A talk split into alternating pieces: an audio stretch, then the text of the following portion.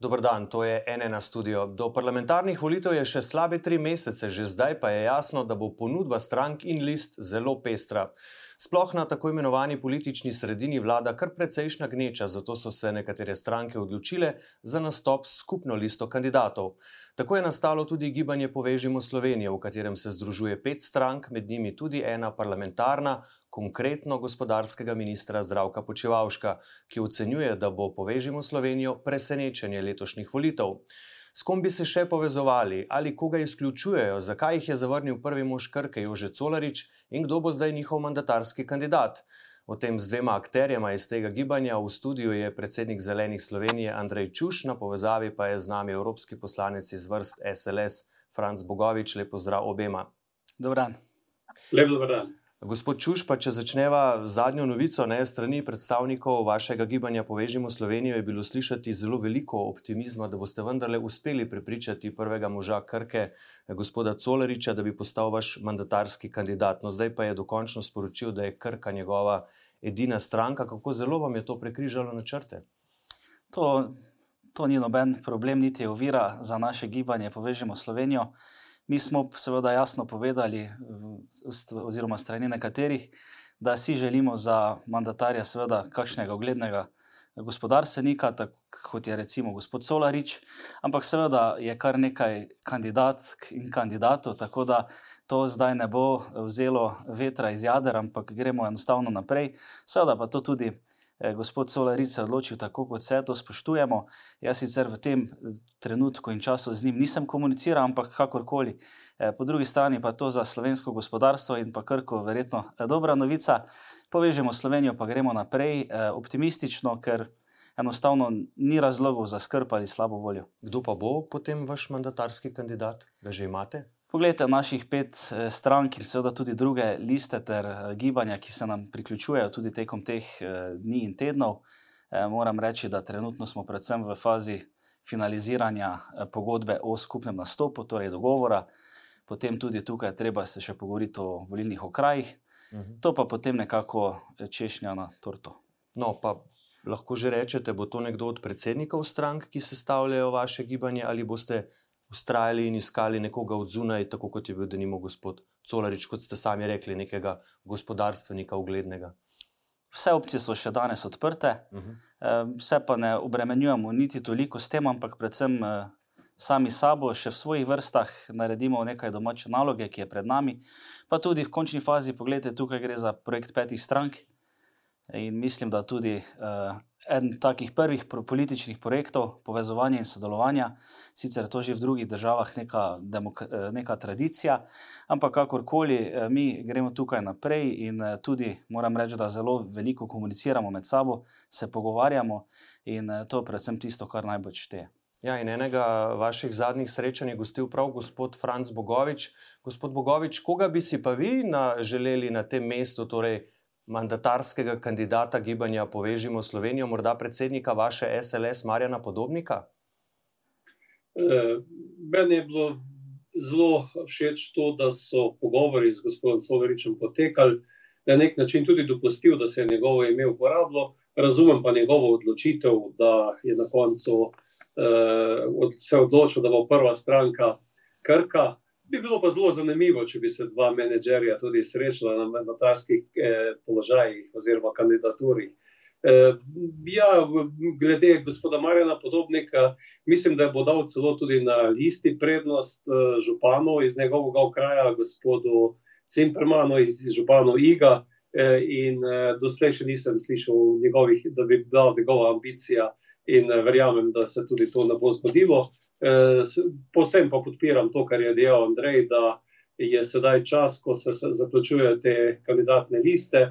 Eh, že med samimi predsedniki imamo eh, ugledna imena in upam, da pridemo še s kakšnim gospodarstvenikom, kar to je naša želja. Smo stranka, ki stavimo na socialno-tržno gospodarstvo, kjer je treba najprej ustvariti in s tem tudi zagotoviti potem socialno državo in tudi blaginja za vse ljudi.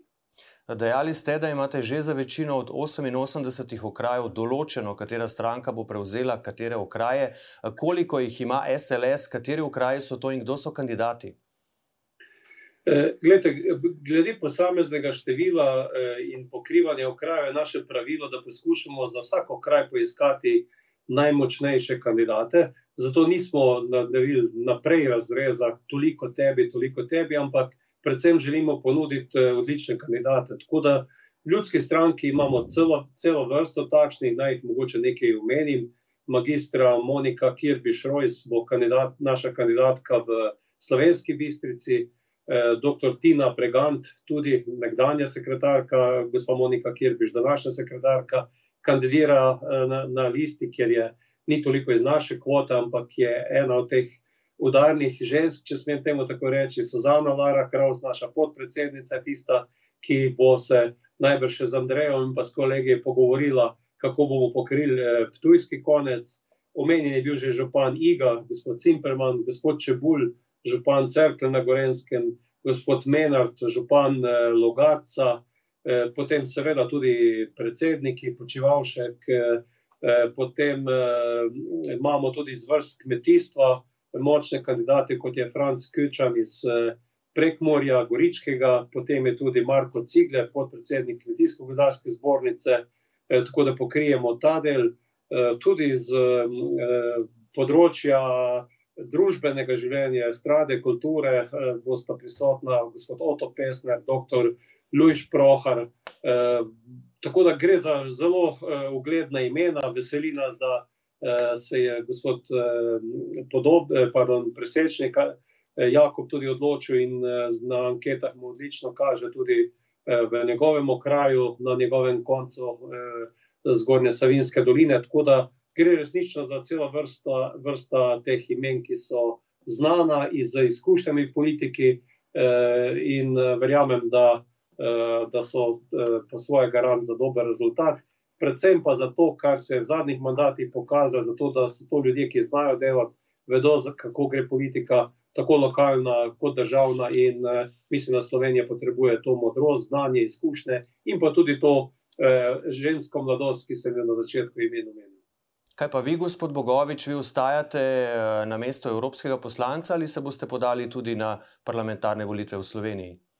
Tako je, v moji občini v Krškem, to je moj okraj, imamo tako župana, dva podžupana in med njimi bo nekdo, ki bo kandidiral. Sam pa mislim, da lahko uspešno v tej drugi polovici mandata nadaljujem s projektom pametne vasi, ki je povsem skladen z osnovnimi usmeritvami samooskrbe na področju kmetijstva, razvoja kmetijstva, zelenega preboja, ki je nam skupen z, z zelenimi in pa z enakomernim razvojem države, to, kar v konceptu pametnih vasi tudi zelo poudarjam. Tako da sam ostajam v Evropskem parlamentu in bom pa vsekakor pa, tako kot sem že ta teden gostil našo Povežimo Slovenijo, bom aktiven v kampanji in tudi s svojimi izkušnjami pomagal po kampanji.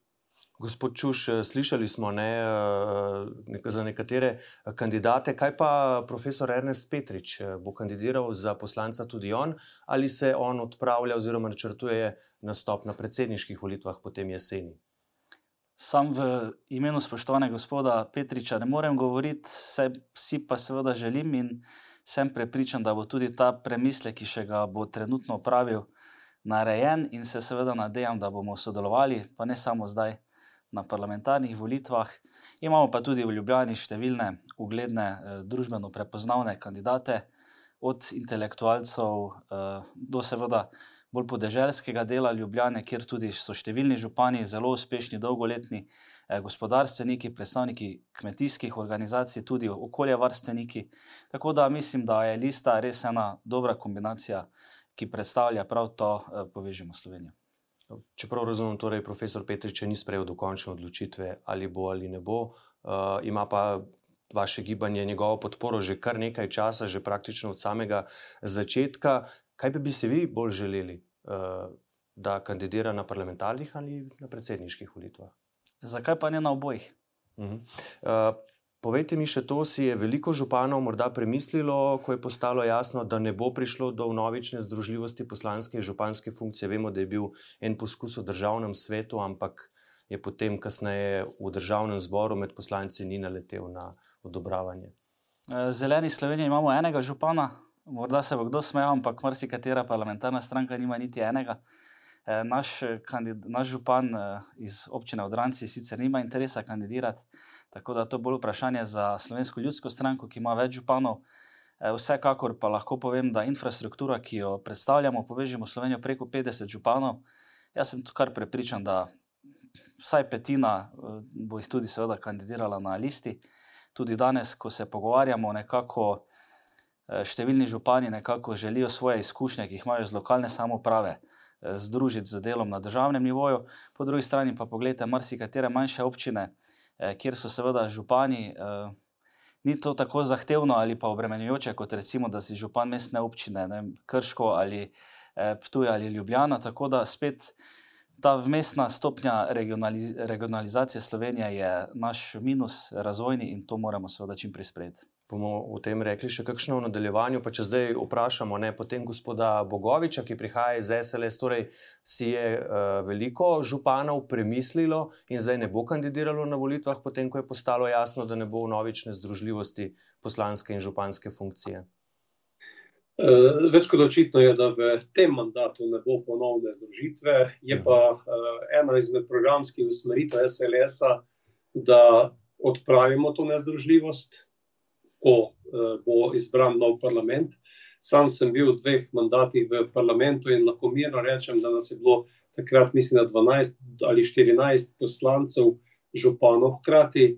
Res je to naporno za takšno občino, kot je Krško, po drugi strani smo bili pa glas razuma In zelo zanimivo je bilo, da podobno kot je sedaj tu zbrani pet strank, ko se je šlo za realne probleme, ni bilo sploh ne pomembno, iz katere stranke je bil kateri župan, in smo zelo hitro skupaj ugotovili, kaj je prav in kaj ne. In ta, ta glas razuma in pa tudi na nek način poznavanje problematike v parlamentu manjka. Tako da sam, kot sem že dejal, se bomo za to prizadevali, da se to nezdružljivost odpravi.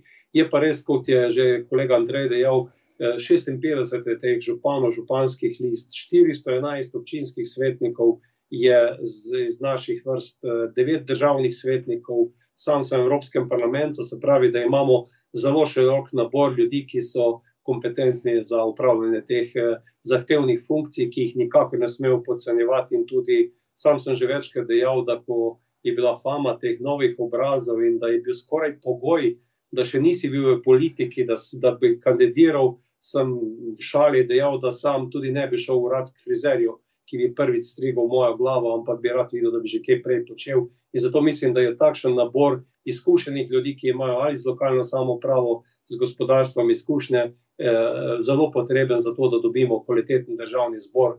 Eh, kajti mislim, da, ga, da moramo kvaliteto državnega zbora v naslednjem mandatu izboljšati, predvsem pa narediti to, kar izraža, izraža tudi naše gibanje, povežemo Slovenijo, da bomo znali sodelovati, da ne bo neke ostre ločnice na politični sredini in da se bo v Sloveniji zopet začel delati uh, skupaj, kajti pred nami so zelo zahtevni uh, časi, sam v Evropskem parlamentu zelo podrobno sprejemam, spremljam ta paket Fit for 55, mi imamo energetsko krizo. Eh, negotovi so celo varnostni, eh, varnostne razmere, prehranska kriza. To so stvari, katerimi, za katere treba imeti širši konsens v nacionalnem parlamentu in z izkušenimi ljudmi, in pa za to logiko sodelovanja, ne pa izključevanje, želimo obogatiti slovenski parlament.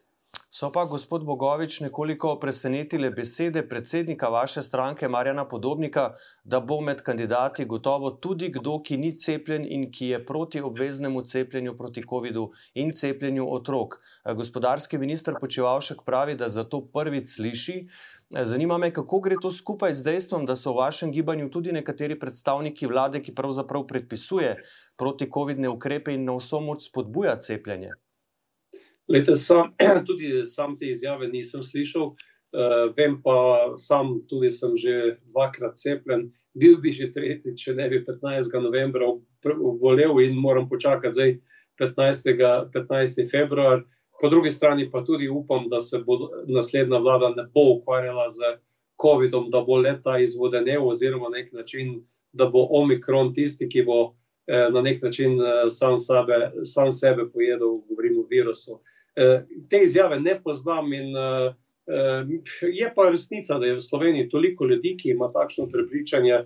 Na nek način smo se vsi tudi čudili, eh, gospodu Novaku Džokoviču. Eh, tako da je zagotovo tudi v Sloveniji veliko tistih ljudi, ki imajo takšno prepričanje. Zdaj, sam osebno ne poznam ljudi, oziroma nekoga, ki bi, ki bi bil anticepilec in bi to želel prenesti v eh, gibanje Povežemo Slovenijo. Tako da boste morali za to vprašati kolega Marjana.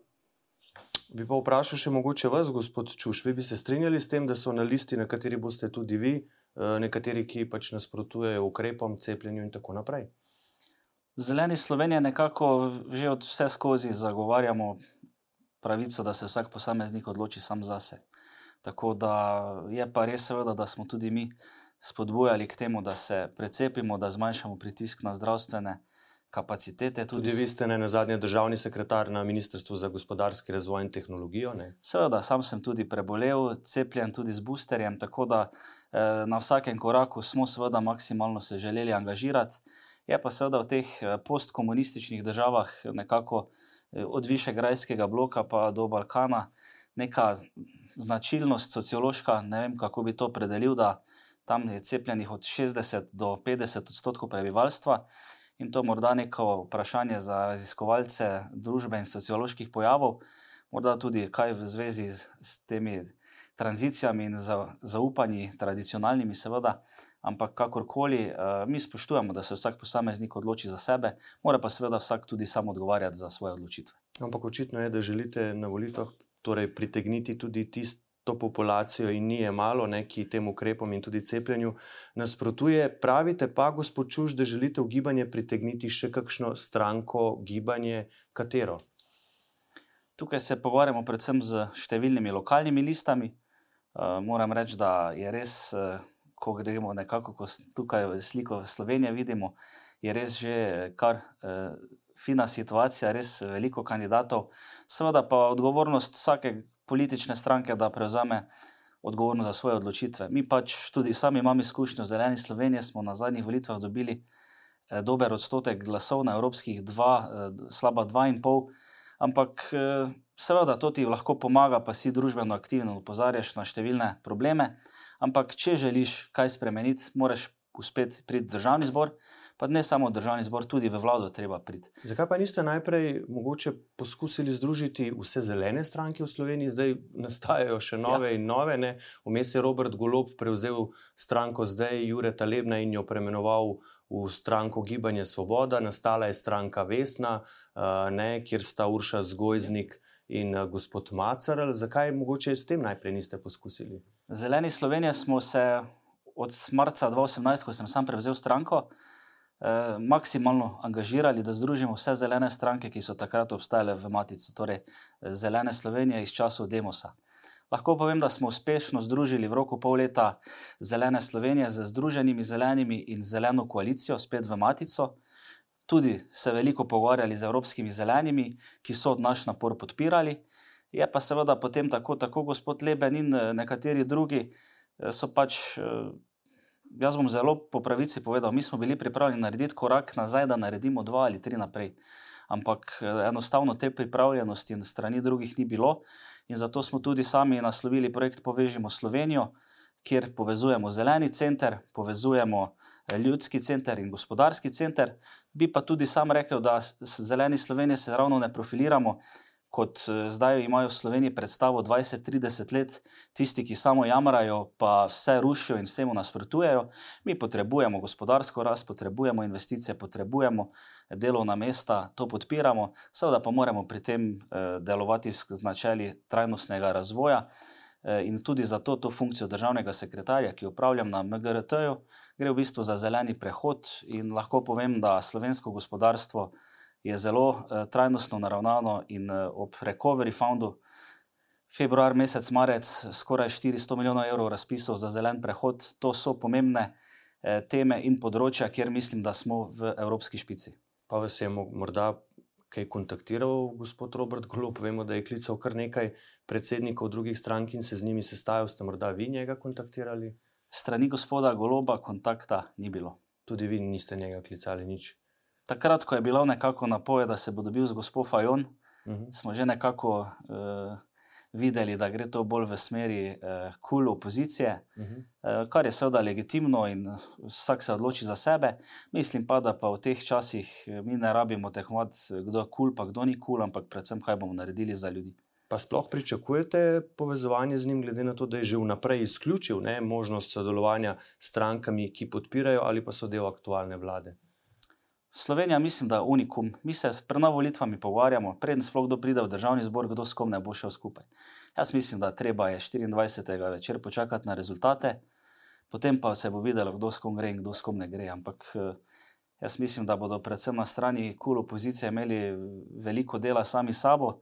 Eh, predvsem v smeri konfliktov in eh, tega, kar se govori, pobiranja glasov, medtem ko mi smo res neobremenjeni in gremo naprej. Eh, kandidatna lista se finišira, program neobremenjen, sodelujemo z vsemi. In danes, ko smo tako bolano skregani in razklani, kot da smo leta 45, jaz mislim, pa tudi sami ste v preteklosti videli moje geste, kaj si o tem mislim, smo leta 22 in moramo živeti za danes in za jutri.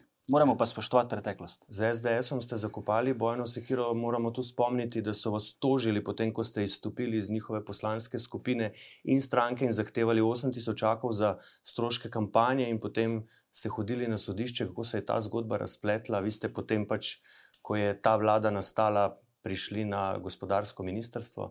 Ja, preden sem postal državni sekretar eh, na Ministrstvu za gospodarski razvoj in tehnologijo, sem odstopil od pritožbe na sodbo pr prve stopnje Ptujskega sodišča. Tako da nekako bi rekel, volk sit in koza cela.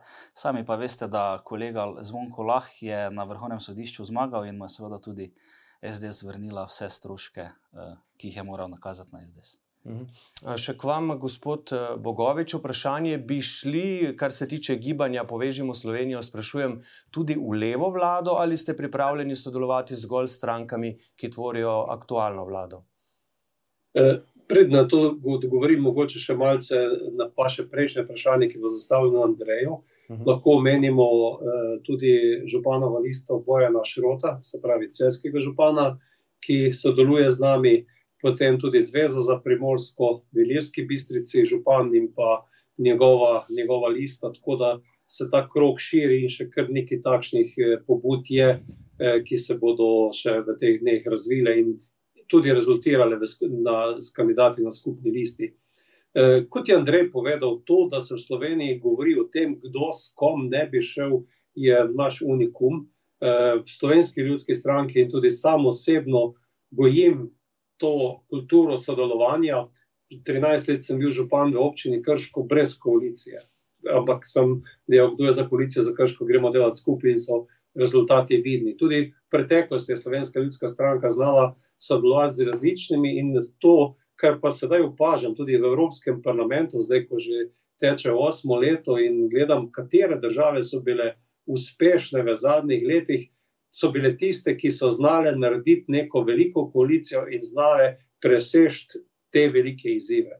Tako da gibanje povežemo s Slovenijo, naša lista je po moje garant za to, da se bodo tudi glasovi tako razdelili, da po volitvah ne bo tako enostavno nekomu eh, narediti ne vem, levo vlado ali pa desno vlado in mi bomo odgovorno igrali to vlogo tistega, ki bo znal znal dati v spred, zopet v spredje državo in tudi eh, sodelovati. In eh, v takšnem volilnem sistemu, kot je v Sloveniji, ni drugega, kot da znamo sodelovati. In zato so mi to, kar poslušam, da vnaprej nekoga nekdo za jezik potegne, s kom ne bo sodeloval in je to spremljamo zdaj že kar zadnjih nekaj politik, eh, zadnjih nekaj volitev, neki anti-janša volilni paket, eh, se mi zdi, da je to precej. Eh, mimo in na nek način povzroča takšno stanje na političnem prostoru, kot ga imamo danes. Tako da eh, jaz se ne bi zagotovo ne.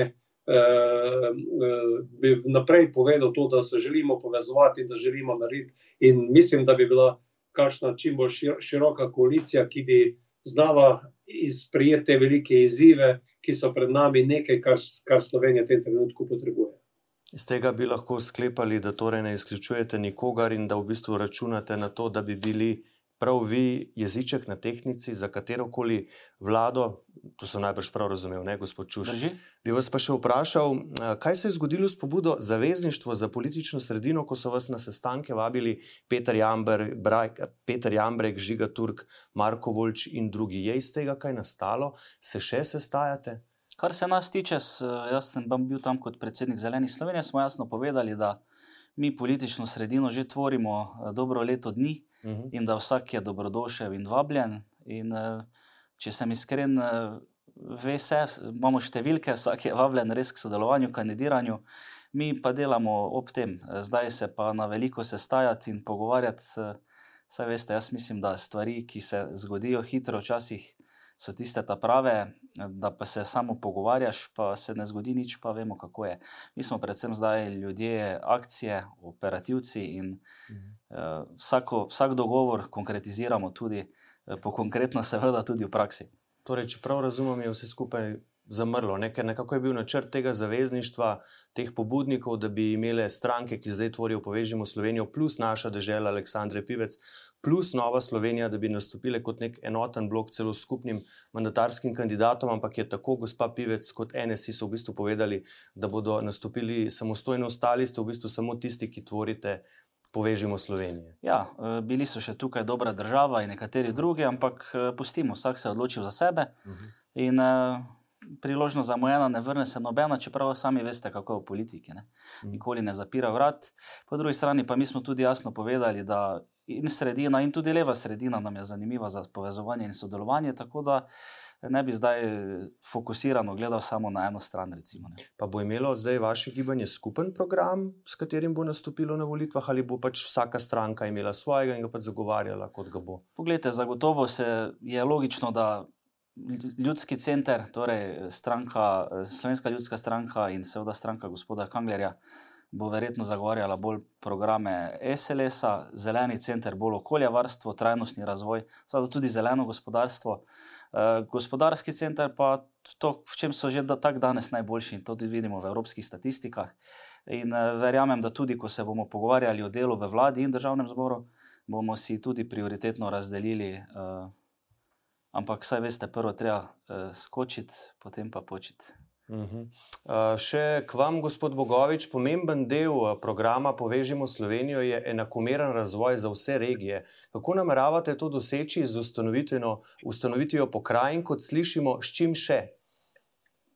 Prva stvar, ki jo tudi naša odlična državna sekretarka Monika Kirbiš res udejanja, je eh, najprej počrpati sredstva, ki so nam na razpolago v tej perspektivi, se pravi 14-20, zdaj so še ti dve leti, ko še črpamo iz te perspektive, hkrati z načrtom za okrevanje in odpornost in z novo finančno perspektivo omogočiti, da bo resnično se Slovenija enakomerno razvijala. Se pravi, evropska sredstva in sedaj združena z načrtom za okrevanje so velik, eh, eh, lahko zelo veliko k temu prispevajo.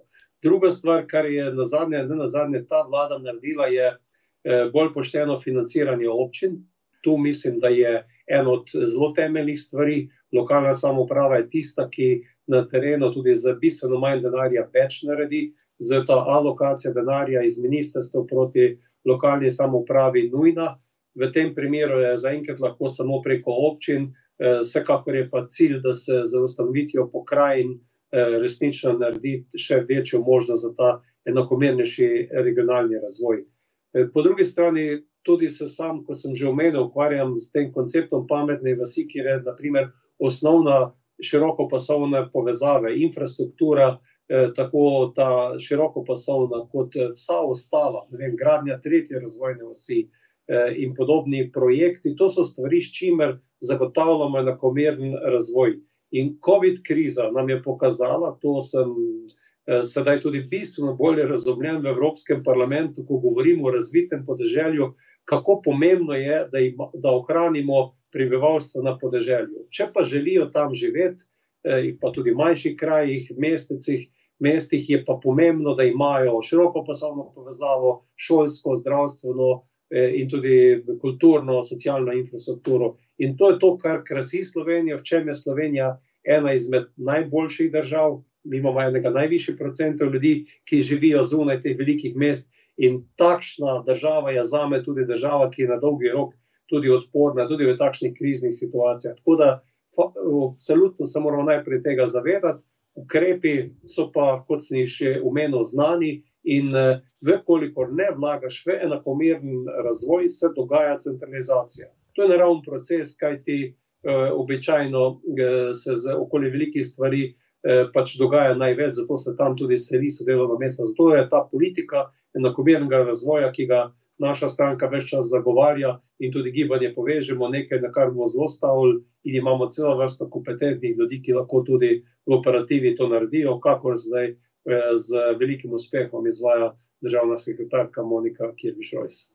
Ja, vidimo pa, ne, da trenutno v manjših krajih ukinjajo že tiste najbolj osnovne storitve za državljane, kot so pošte in banke, na kar pa politične stranke oziroma uh, politika, vlada zaenkrat nima kaj dosti vpliva. Bomo videli, kako bodo vaše ideje prepričale voljivke in voljivce. Za danes pa spoštovana gosta, gospod Bogovič v Koprivnici uh, pri Krškem in gospod Čuš v našem studiu. Hvala lepa za vajen obisk in gostovanje. Hvala lep vikend.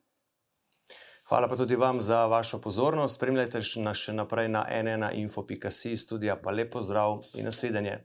thank you